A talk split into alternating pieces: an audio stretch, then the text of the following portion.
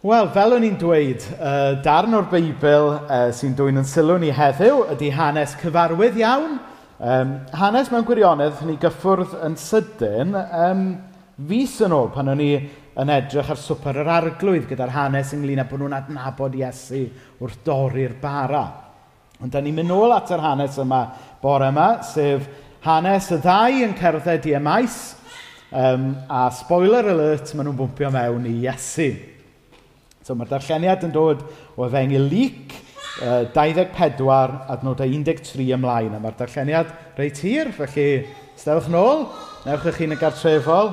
Yr un diwrnod, roedd dau o ddilynwyr Iesu ar ei ffordd i bentref y maes, sydd rhyw saith milltir o Jerusalem. Roedden nhw'n sgwrsio am bopeth oedd wedi digwydd. Wrth i'r drafodaeth fynd yn ei blaen, dyma Iesu'n dod atyn nhw a dechrau cerdded gyda nhw. Ond oedden nhw ddim yn sylweddoli pwy oedd e, am fod Dyw wedi rhwystro rhag ei nabod e. Gofynodd iddyn nhw, am beth dych chi'n dadle gyda'ch gilydd? Dyma nhw'n sefyll yn stond. Roedd ei tristwch i'w weld ar ei hwynebau.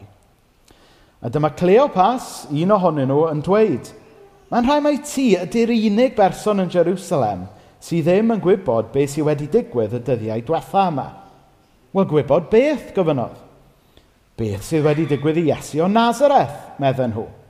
Roedd yn broffwyd i ddew ac yn siaradwr gwych ac roedd pawb wedi weld yn gwneud gwirthiau rhyfeddol. Ond dyma'r prif offeiriad ar arweinwyr crefyddol eraill yn ei arestio a'i drosglwyddo i'r hyfeiniad i gael ei ddedfrydu i farwolaeth a'i groeshoelio. Roedden ni wedi gobeithio mai fe oedd y Meseia, oedd mynd i ennill rhyddid i Israel. Digwynodd hynny echddoi. Ond ma na fwy. Yn gynnar y bore yma, dyma rai o'r merched oedd gyda ni yn mynd at y bedd lle roedd ei gorff wedi cael ei osod. Ond oedd y corff ddim yno. Roedden nhw'n dweud eu bod nhw wedi gweld angylion, a bod rheini wedi dweud wrth nhw fod Iesu'n fyw. Felly dyma rai o'r dynion oedd gyda ni yn mynd at y bydd i edrych ac roedd popeth yn union fel roedd y gwragedd wedi dweud. Ond welon nhw ddim Iesu o gwbl. Dych chi mor ddwl, meddai Iesu wrth y ddau roedd e'n cerdded gyda nhw.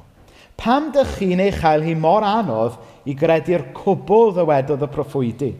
Mae nhw'n dweud fod rhaid i'r myseia ddioddau fel hyn cyn iddo gael ei anrhydeddu. A dyma Iesu mynd dros bopeth ac yn esbonio iddyn nhw beth oedd Moses a'r proffwydi eraill wedi ddweud amdano yn yr ysgrifau sanctaidd.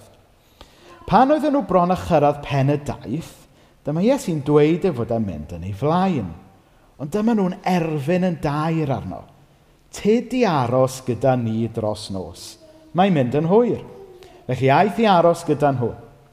Pan oedden nhw'n eistedd wrth y bwrdd i fwyta, Cymerodd dorthofara ac adrodd gweddio ddiolch cyn ei thorri a'i rhannu iddyn nhw. Yn sydyn, dyma nhw'n sylweddoli mae Iesu oedd gyda nhw. A'r foment honno, diflannodd o'i golwg. Dyma nhw'n dweud wrth ei gilydd. Roedden ni'n teimlo rhyw wefr, fel petai'n calonnau ni ar dan wrth iddo siarad â ni ar y ffordd ac esbonio be mae'r ysgrifau sanctaidd yn ei ddweud. Ymhen dim o amser, roedden nhw ar ei ffordd yn ôl i Jerusalem. Dyma nhw'n dod o hyd i'r 11 disgybl a phawb arall gyda nhw. A'r peth cyntaf gafodd ei ddweud wrthyn nhw oedd, mae'n wir. Mae'r arglwydd wedi dod yn ôl yn fyw. Mae Simon Pedr wedi weld. Yna, dyma'r ddau yn dweud beth oedd wedi digwydd iddyn nhw ar eu taith. A sut wnaethon nhw sylweddoli pwy oedd Iesu wrth iddo dorri'r bara.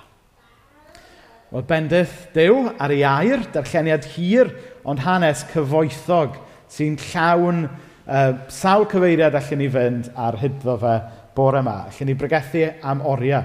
Allan ni bregethu am yr holl amser fydd fe'n cymryd i gerdded o'r Jerusalem i Emais. Ond peidiwch poeni, dwi ddim mynd i wneud hynny. So, da ni'n ganol cyfres ar hyn o bryd um, o'r enw Cyfarfod Crist Profi'r Wefr. Ac yn yr wythnosau yma, rhwng y Sil y Pasg a Sil y Pentecost, da ni'n arbennig mynd i edrych ar rhai hanesion um, o bobl yn cael encounters gyda Iesu ar ôl iddo fe atgyfodi. Ac un o'r hanesion mwyaf enwog falle sydd gyda ni o'r cyfnod yma ydy'r hanes sydd gyda ni bore yma ynglyn â'r ddau yma yn cerdded um, i maes. Nawr, fus yn ôl, um, falle i chi oedd yma, wnaethon ni ganolbwyntio'n arbennig ar swper yr arglwydd. Ac yn ogystal â edrych ar hanes y swper olaf, wnaethon ni edrych ymlaen hefyd i'r hanes yma a gweld sut wnaethon nhw adnabod Iesu yn y diwedd gyda toriad y bara. A wnaethon ni weld bod nhw wedi cael gwefr allan o hynna. A dyna sy'n mae'r hanes bore yma yn gorffen. Ond gyntaf, ni'n mynd i weld sut mae'r mwyd ar ddechrau yr hanes. Achos, er fod yr hanes yn gorffen gyda gwefr, mae'r hanes yn dechrau gyda siom yn dydy. Mae'r hanes yn dechrau gyda dau uh, ffrind yn cerdded i emaith. A dyw pethau ddim yn dda iawn. Ond gobeithio bore yma, newn ni weld sut mae Iesu yn gallu newid y stori.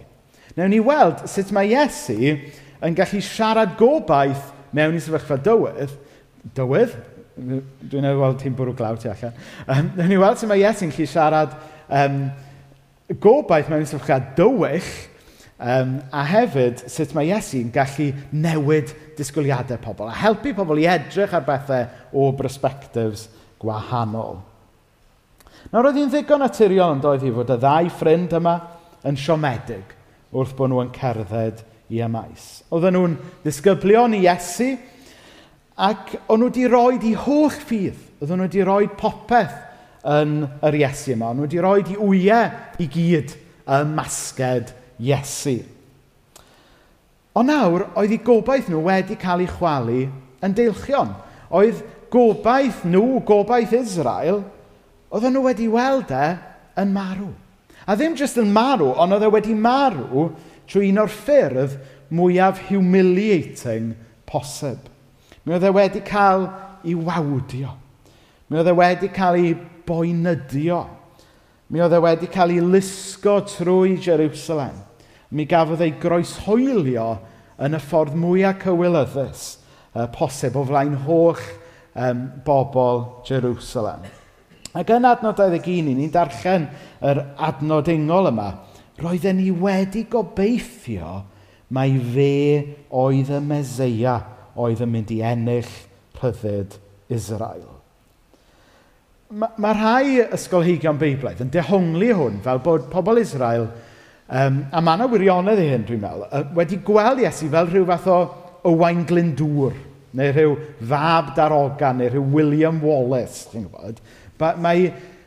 Mi oedd dyheadau gwleidyddol yn rhan o hyn, a mae yna oblygiadau gwleidyddol i deyrnas ddew, ond oedd rhai oedden nhw wedi rhoi i gobaith i gyd mewn sort of gwireddiad fel 'na fel petai. A mae, a ma' cyfieithiad Bil Danet wedi dal hwnna yn reit dda, yn dydi. Roedden ni gyd wedi gobeithio mai fe oedd y Meseia oedd mynd i ennill rhyddid i Israel. Ta sy'n eisiau contextualisio fe i'r cyd-destun Cymraeg. Byddwn ni'n gyfeithio'r adnod yna fel, roedden ni gyd wedi gweithio mai fe oedd y mab darogan oedd yn mynd i ennill rhyddid i Gymru. Ond uh, chi'n deall y pwynt. Dwi'n jocen chyda bach. Ond chi'n lli clywed y siom yn eu lleisio nhw fan hyn yn dydych. Oedd eu gobaith nhw wedi ei chwalu. Na mae rhai yn awgrymu bod nhw jyst yn cerdded nôl a'i cynffonau rhwng eu coesau i ymais. Ond mae'n fwy tebygol bod rhywbeth lot fwy urgent i'r cerdded yma nôl i ymais. O'n nhw mewn gwirionedd yn ffoi. Oedden nhw, fel disgyblion i Iesu, oedden nhw mwyn thebyg yn poeni, wel, falle mae ni fydd y nesaf i gael y mob yn troi yn erbyn ni. Felly mae ni fydd y nesaf i gael yn arestio a wynebu yr un peth a nath Iesu. So mewn gwirionedd, yna rhyw urgency i ffoi o Jerusalem. Oedden nhw yn dianc o bosib am i heinioes. Ond beth sydd yn amlwg hefyd rhwng y llenellau fan hyn? Yw ddim jyst bod na siom ac ofn, chybod, materol, ond bod na hefyd golli ffydd yn dechrau setio mewn fan hyn. Mi oedd popeth oedd nhw wedi gobeithio amdano o'i, o'i prosbectif nhw ar y pryd wedi cael ei chwalu yn ddarnau. Mi oedd be oedd nhw wedi sort of, a dynyddio term allan o gyd-destun, wedi, wedi, wedi betio arno fe. um, they, they kind of betted on a winning horse, ond nath o ddim troi allan nath o beth, ty bod, o defnyddio delwedd hollol amhriodol, ond chi'n eich beth sy'n gyda fi. Um, a oedd hwn, oedd y siom yma wedyn wedi arwain i ddechrau cwestiynu ffydd, yn doedd? Oedd e wedi arwain i ddechrau cochi ffydd. Oedden nhw'n mwy na thebyg yn gofyn, wel, tybed oedden ni wedi plannu yn ffydd yn y lle anghywir. Tybed oedden ni wedi gwneud camgymeriad a rhoi yn ffydd yn y lle ac yn y person wrong. Nawr tybed. Dyma'r cwestiwn cyntaf, yr her cyntaf sydd gyda fi i ni gyd bore yma. Tybed i ni weithiau'n gallu unieithu gyda lle mae y ddau yma'r hyfforddi y maes ar ddechrau'r stori. Falle bod yna rhywun yma bore yma sydd yn delio gyda siomedigaeth o ryw fath. Falle fod yna rhywun yma bore yma le mae chi wedi gobeithio am rhywbeth a mae falle ddim wedi troi mas jyst fel oeddech chi wedi gobeithio. Falle bod yna rhywun y mabor yma yn cario rhyw loes, yn cario rhyw siom. A falle bod chi'n gwneud job da iawn o guddio fe oedd i wrth yn gilydd. Da ni yn rhai da fel yna, dydyn. Ond bore yma, dwi eisiau chi wybod fod Iesu yn, yn gweld eich calon chi. Mae'n gweld y siom i chi'n cario. Ac yn yr un ffordd, anewn ni weld mewn munud fod Iesu'n iachau a codi gobaith y ddau ar ei maes, dwi'n credu fod Iesu heddiw yn gallu iachau a dod â gobaith nôl unrhyw un bore yma sydd falle'n wynebu siom. Dwi'n gwybod fod y dair blynedd diwetha wedi bod yn anodd i lot o bobl, ac mewn gwahanol ffyrdd. Ond dwi'n ymwybodol fod y dair blynedd diwetha wedi bod yn arbennig o anodd i bobl ifanc – am wahanol resymau. Oherwydd mae fe'n... Um, mae fe fel bod i rhai set o grwpiau oedran, mae fel bod tair blynedd mwyaf arwydd y cael i bywyd, fel petai wedi cael ei dwy'n oddi wrthyn nhw oherwydd y pandemig. O'n i'n, oedd cadu yma di syl yn doedd, ac, ac a, a oedd a o'n i jyst heb registro bod Cadi yn gorffen coleg. Helo, Cadi, os ti'n mwyn siarad, ni'n siarad amdano ti. Ac, um, a oedd Cadi gorffen coleg. Lenny, o'n i gorffen coleg, na, na nes ti fel dechrau wythnos diwetha. Ond wrth gwrs, mae'r pandemig wedi chwalu syniad ni o amser, dydy. Um, achos mae blynyddoedd jyst wedi mynd yn rhyw fwsh mewn i'w gilydd. Ac wrth gwrs, efo Casia, uh, cadu, oedd e'n taro fi i bobl ifanc. Mae, mae bron bod fel blynyddoedd gorau i bywyd wedi cael ei dwyn oherwydd y pandemig yma. Ac, um, a dwi'n siŵr fod, fod Siom yn dod efo hwnna, ti'n gwybod? Um, am hwnna jyst yn un enghraifft. Dwi'n dwi siŵr bod Siom y gwahanol fathau yn effeithio pob grŵp oedran a, a, a pawb, dwi'n gwybod. Am hwnna jyst yn, yn un enghraifft oedd yn pwyso ar yng ni um, wythnos yma. Ac fel y ddau ymarffarddi ym maes, pan, ma, pan da ni'n wynebu siomedigaethau bywyd, wath ni fod yn onest, weithiau, mae'n ffydd ni yn cael ei ysgwyd, yn dydy. Mae'n ffydd ni weithiau yn cael ei herio. A da ni weithiau yn cael cyfnodau o golli ffydd. A falle bod yna rhywun yma bore yma yn y lle yna. Bod, bod yna rai pethau mewn bywyd wedi arwain i siom, Bod y siom yna wedyn wedi eich arwen chi ofyn cwestiynau ynglyn â ffydd oeddech chi byth yn meddwl byddech chi'n ei yy gofyn, a bod e eich arwen chi i golli ffydd. Nawr, bydde seicolegwyr yn dweud um, mai beth sy'n digwydd yn hanes y ddau um, ar y ffordd maes ydy'r fight, uh, fight or flight response. I chi sydd wedi astudio seicoleg neu neu byd iechyd byddwch chi'n gyfarwydd, sef pan mae rhywun yn, pan mae rhyw newid sydyn yn digwydd y mywyd rhywun, neu pan mae rhyw stres ar rhywun, bod yna, bod yna, bod yna rhyw fight or flight response. A, ac i ryw raddau, mae rhywfaint o hwnna yn mynd mlaen yn, yn, yn yr hanes yma ar y fforddi ymais, dwi'n siŵr yn does. Tyba, maen nhw wedi mynd trwy brofiad traumatic iawn, maen nhw wedi mynd trwy brofiad o gochi, maen nhw wedi mynd trwy um, brofiad o weld y person maen nhw'n caru, Maen nhw wedi mynd o weld y person maen nhw'n rhoi gobaith ynddo yn marw. Reit o flaen nhw. Yna mae yna ma, ma, ma effeithiau seicolegol yn mynd mlaen fan hyn hefyd. Ond, rhan gorau pob pregaeth yw'r gair ond. Ond, yr hyn sy'n hyfryd am y stori yma, er gweitha bod e'n dechrau gyda nodyn trist iawn, Er gweithio bod e'n dechrau gyda pobl yn cerdded mewn siom, pobl yn cerdded efalle'n colli ffydd. Mae Dyw yn ymyrryd. Mae Dyw yn camu mewn i'r stori mewn ffordd cynnil i ddechrau, ond wedyn mewn ffordd dramatig. Ac beth dwi am wneud am weddill yn amser ni bore yma yw edrych ar y ffordd mae Iesu yn ymwneud efo'r ddau yma. Edrych ar y ffordd mae Iesu yn gofalu, yn dod â cynhesrwydd nôl ac yn arwain y ddau yma yn ôl o fod mewn lle o siom i brofi y wefr er unwaith eto o adnabod e. So'r peth cyntaf mae Iesu'n gwneud yw dyw e ddim yn pregethu atyn nhw. Dyw e ddim yn rhoi pryd o dafod iddyn nhw. Dyw e ddim yn dweud pull yourself together, ond y peth cyntaf mae Iesu'n gwneud yn adnod 17 ydy gofyn cwestiwn iddyn nhw. Mae'n gofyn am beth ydych chi'n dadle gyda'ch gilydd. Mae'n swndio'n gwestiwn eitha pigog ar, ar un ystyr, ond beth ydy o ydy cwestiwn dwi'n meddwl sydd yn set-up er mwyn iddyn nhw allu dweud i stori. Cwestiwn sydd yn set-up er mwyn iddyn nhw agor i calon a gadael i Iesu wybod beth sydd yn mynd ymlaen yn ei meddyliau a'i colonnau y munud yna. Hynny yw, y peth cyntaf mae Iesu'n neud ydy gofyn cwestiwn er mwyn rhoi spes a gofod iddyn nhw ddweud i stori ac agor i calon.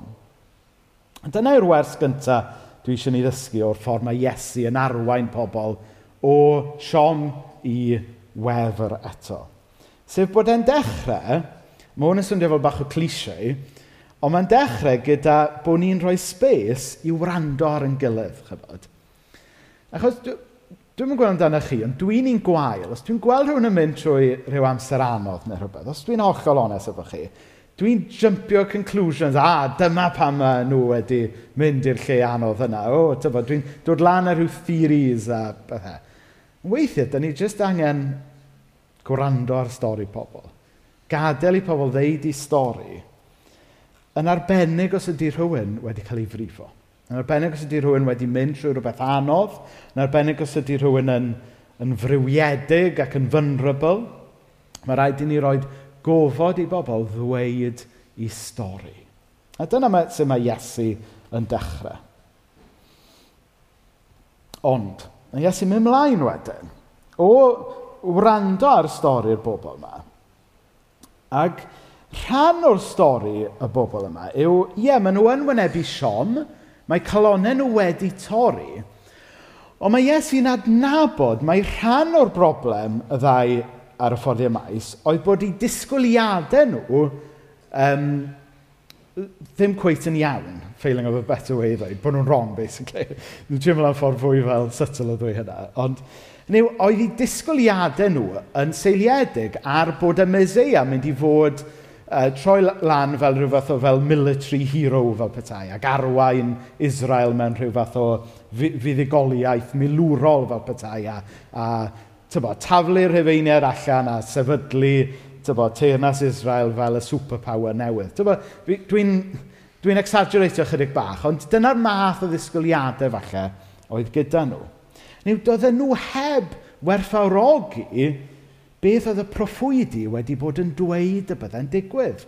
Sef y byddai'r Meseia ar y ffordd i fuddigoliaeth yn gyntaf yn gorfod dioddef. Y byddai y deyrnas yn hollol wahanol i teyrnasod y byd yma, bydde ddim yn deyrnas oedd yn cael ei adeiladu ar draes a gorthrwm, ond bydde fe'n deyrnas oedd yn cael ei adeiladu ar aberth a cariad. Ac felly, oedd Iesu, wrth wrando ar ei stori nhw, oedd Iesu'n dweud, a reit, dwi angen esbonio, dwi angen newid i disgwyliadau nhw. Dwi angen ail fframio'r stori mewn ffordd bydd yn dod â gobaith yn ôl i'w bywyd. Oedden nhw heb ddeall fod y proffwydi ddim yn addo byddai Israel a'r ddynoliaeth yn cael ei achub o ddioddefaint. Ond bod y proffwydi'n dweud y byddai'r Mesea yn achub y byd trwy ddioddefaint. Yn arbennig i ddioddefaint e ei hun ar y groes. Ac wedyn, ar ôl gwrando arnyn nhw, mae Iesu yn symud o wrando i siarad gwirioneddau mewn i'w bywyd nhw. A mae e'n siarad gwirioneddau mewn ffordd eitha plaen. A mae cyfeithiau Beibl.net yn eithriadol o blaen ar hyn. Achos yn adnod 25, mae, mae wedi cael ei gyfeithi i Iesu'n dweithio nhw, dych chi mor ddwl. Ffwl. Um, nawr, dwi ddim o'r heidrwydd yn mynd i'ch annog chi um, chyfod, um, i fynd o gwmpas y, y lle, chyfod, yn y grŵp cymuned ac dros baned ar ddiwedd y cwra, ffwl, tyfod? So, lle Mari, y ffwl, tyfod? Ac, tyfod, os fydd un ohonoch chi'n dod ato fi gyda rhyw broblem fi geilio, fydda ddim yn galw chi'n ffwl, peidwch poeni, chyfod? Fydd hwnna'n creu fwy, fwy o waith bugeiliol i fi, dwi'n ama. E. Ond, be sydd yn mynd mlaen fan hyn ydy Iesu yn siarad gwirionedd mewn i bobl sydd angen i glywed e. A weithiau fel Cresnogion, da ni'n gallu ffaffian o gwmpas yr edges yn dydan, yn hytrach na jyst siarad yn blaen efo'n gilydd. A weithiau, plain speaking ydy'r peth mwyaf cariadus i wneud. Os ydy'n cael ei wneud tyfo, gyda'r cymellion iawn ac allan o gariad. Weithiau, mae caru rhywun yn golygu siarad gwirioneddau plaen mewn i fywyd rhywun. A da ni'n cael enghraifft o hyn gan Iesu fan hyn. A chybod weithiau, mae rhywun yn gallu cael ei feddiannu gan ofn anobaith a siom gymaint nes bod hwnna'n dod i ddiffinio pwy ydyn nhw. Hynny bod nhw'n cael ei adnabod fel y person sydd yn byw mewn ofn. Ac er mwyn torri y cilch yna, weithiau mae angen allan o gariad, siarad gobaith Iesu mewn i fywyd rhywun yn does. Byddwn ni ddim cweit yn mynd mor bech a, a tybod, pull yourself together math o language, tybod. Nid dyna dwi'n dweud.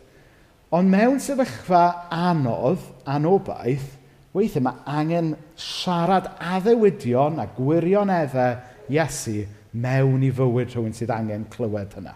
A dyna mae Iesu yn gwneud fan hyn. So trydydd y cam sy'n digwydd wedyn, ar ôl i Iesu ddweithio nhw, dych chi morddol, yw, um, yn y bôn, mae e yn dechrau rhyw fath o Bible study gyda nhw wedyn, wrth bod nhw yn cerdded i emais gyda'i gilydd. Mae Iesu yn, yn siarad gyda nhw am y ffordd mae Moses a'r proffwydi a'r ysgrif, ysgrifau sanctaidd yn sôn mai dyma byddai'n digwydd, A, a mae hwn i gyd yn rhan o gynllun dew i achub y byd a dod â popeth nôl yn iawn. Um, a dyle hwnna fod yn wir amdano ni hefyd. Mae'n teimladau ni'n bwysig, mae'n emosiynau ni'n bwysig, ond mae hefyd yn bwysig bod ni'n adeiladu yn ffydd um, ar y Beibl, ar yr ysgrythurau. Mae'n swnio'n bwysig, ond mae angen i ddweud e y weithiau, yn does? Chybod, mae emosiynau'n bwysig Mae profiadau yn bwysig. Ond allwn ni ddim adeiladu yn ffydd dim ond ar brofiadau ac emosiynau. Oherwydd, os ydych chi'n debyg i fi, byddwch chi'n gwybod bod profiadau yn mynd a dod. Mae emosiynau yn newid yn dydyn mewn pob tymor o fywyd. Ac felly, mae angen rhyw bes arno ni fel Cresnogion i adeiladu yn ffydd ac i fod yn gadernid i ni pan dydy'r profiadau ddim wastad yna, chi'n gwybod. Ac, a beth ydy hwnna? Ydy'r addewidion mae Dyw yn rhoi i ni yn yr ysgrythurau sanctaidd, neu y Beibl, fel da ni yn ei adnabod e heddiw. A mae Iesu yn dangos yr addewidion yma, yn dangos y gwirioneddau yma. A dyna pam dwi yn credu fod bod yn y Beibl angen bod mor bwysig i ni fel Cresnogion ym mhob oes. Dwi, wrth gwrs, dwi'n annog um, ceisio profiadau, dwi'n annog um, math o gymdeithas Grisnogion sydd yn helpu ni gael profiad a teimlad o gariad Crist. Mae hwnna'n hwnna, ma hwnna bwysig. Ond dylai fe gyd, dylai'r carreg sylfaen fod yn y, yr addewidion mae Iesu'n rhoi i ni yn y Beibl. Um, dyna pam, chwa, mae'r addoliad mor bwysig, um, y dathlu, tyfa, sacrament yn bwysig, ond dyna pam bod ni dal yn pregethu. Dyna pam yn gyda'n grwpiau cymuned, fod rhannu gyda'n gilydd mor bwysig, mae'r sgwrs dros baned yr un mor bwysig a popeth arall, ond dyna pam ar ryw bwynt yn pob grŵp cymuned, mae'r Beibl yn cael ei agor. Mae, mae, dyma yw'r patrwm mae Iesu wedi rhoi i ni sut i ni fugeilio'n gilydd. Gwrando ar gilydd, siarad gwirioneddau mewn i'n bywyd gilydd, agor y Beibl gyda'n gilydd. Mae'n swndio'n syml, ond mae angen i ni glywed e weithiau. Yr hen bennych Saesneg yn dweud yn dydy, Jesus loves me, this I know, for the Bible tells me so. Wedyn y, y pwynt ola bore yma. Mae Iesu wedyn, ar ôl gwrando arnyn nhw, ar ôl siarad gwirionedd mewn i'w bywyd nhw, ar ôl darllen y, yr ysgrythurau gyda nhw, mae yna wahoddiad wedyn iddyn nhw dderbyn Iesu mewn i'w bywydau.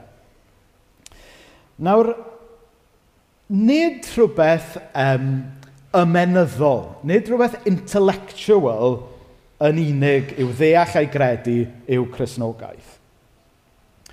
Mae'r bardd Gwenall wedi dweud yn enwog yn dydy, Gwai ni am wybod y geiriau heb adnabod y gair. Er mor ganolog ydy darllen deall y dehongli'r Beibl yn bywydau ni fel Cresnogion, dydy rheswm, dydy rhesymoli y Beibl ddim yn gallu bod yn unig sail i'n ffydd ni.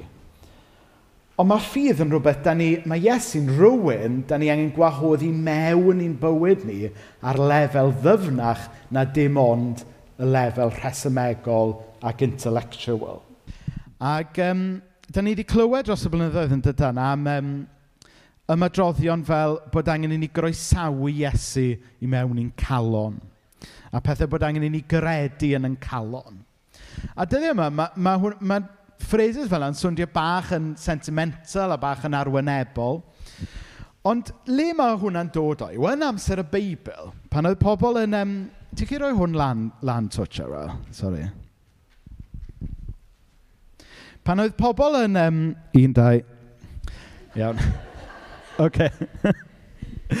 pan oedd pobl yn um, siarad am, am um, Croesawu Iesu mewn i'n calon, am credu yn y calon. Wel, ystyr y galon yn yr hen amser, oedd nid, chybod, pan ni'n meddwl am calon heddiw, ni'n meddwl am rhywbeth sentimental yn dydyn, chybod, rhyw, rhyw heart emoji ar ddiwedd neges neu rhywbeth, pan ni eisiau cyfleu rhywbeth yn neis, neis, neis. Ond ystyr y galon yn yr hen amser oedd canol y person, canolbwynt y person, yr hyn sydd yn greiddiol i pwy ydyn nhw. Felly, pan da ni'n sôn am wahodd Iesu mewn i'n calon, da ni ddim jyst yn golygu fo mewn ffordd sort of lovey-dovey, Jesus is my boyfriend math o beth, fi a Iesu, Iesu a fi. Mae'n lot fwy profound a dofn yna. Mae e ynglyn â gadael Iesu, gyrraedd y lle dyfnaf tu mewn i ni.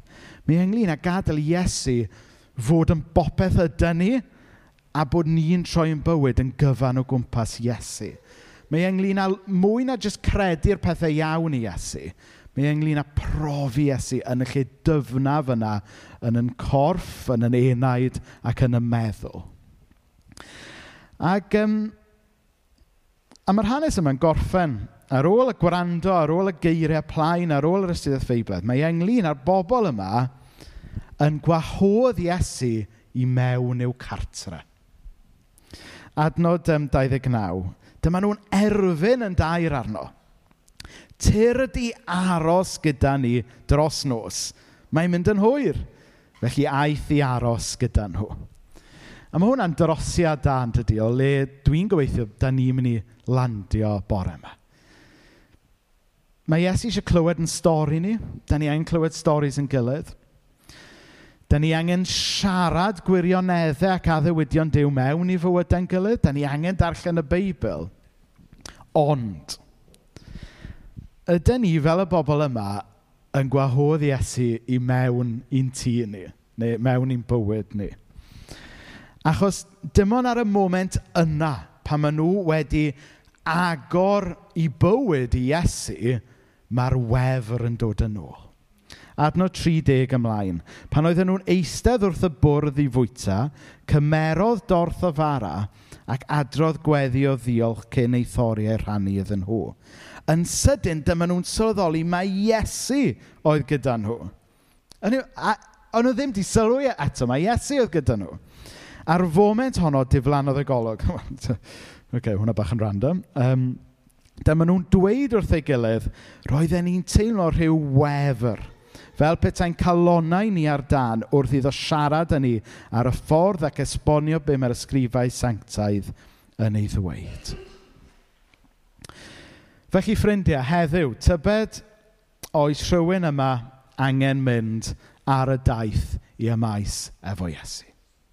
Oes rhywun yma bore yma falle yn delio efo, efo siom mewn ffordd tebyg i'r ddau o ymais, Oes rhywun angen mynd ar y daith yma bore yma?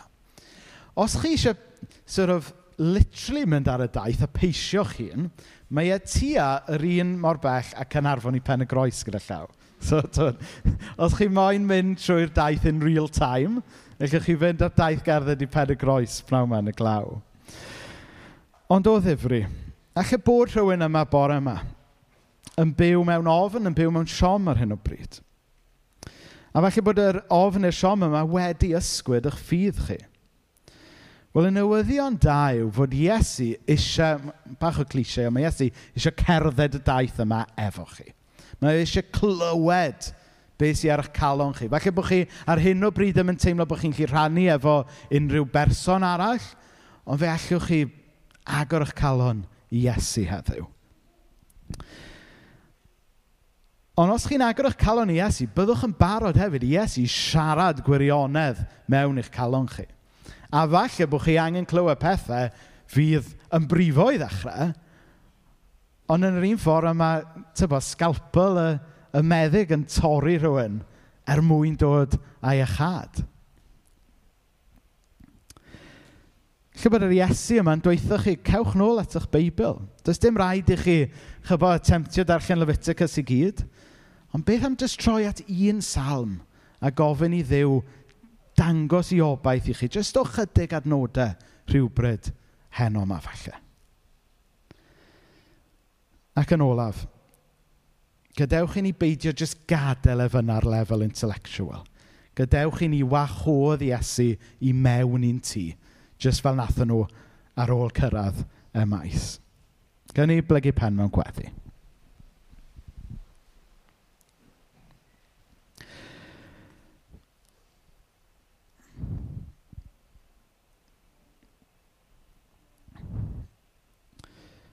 O ddiw dad, da ni yn diolch am y fraint arbennig o ddod ata ti.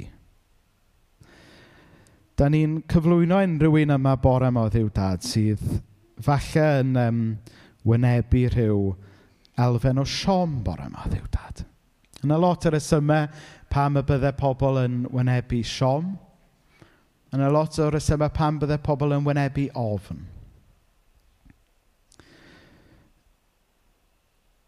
O ddiw dad, ro ryddid i ni rannu beth sy'n ar yn calon gyda ti. Ac o Dduw dad rhoi'r dewrder i ni rannu gyda rhywun arall hefyd os bydd hwnna'n help.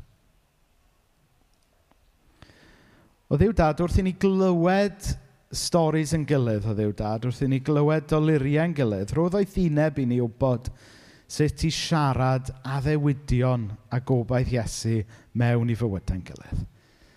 Helpa ni um, siarad geiriau proffwydol o obaith mewn i fywydau pobl sydd yn torri cylchoedd o ofn a torri cylchoedd o siom oedd i'w dad. Oedd i'w dad helpa ni fod fel Iesu yn adeiladu yn gilydd o gwmpas geiriau Moses, y proffwydi, a'r holl ysgrythurau sanctaidd. Helpa ni fod yn bobl y Beibl oedd i'w dad. Pa mae yn profiadau ni, falle ddim yna, helpa ni wybod bod ni wastad yn gallu pwyso nôl at yy, sylfaen y Beibl i'n ffydd. Ond o ddiw dad, gwai ni rhag gwybod y geiriau heb adnabod y gair. Helpa ni beidio bod yn gyfforddus gyda chrysnogaeth sydd jyst yn rhywbeth i'r pen a bod ni'n ofyn gadlesiddo i'r galon. O ddiw dad, er mwyn i ni brofi'r wefr, mae rhaid i ni agor yn bywydau o ddiw dad. A ma' hwnna'n ofnus weithiau. Ond bore 'ma dduw dad, helpa ni fel y ddau ar y ffordd i Emmaus i agor ein by- bywydau yn llydan agored i ti er mwyn i ni cael ein gwefreiddio gyda dy gariad a dy ras i ni eto. Amen.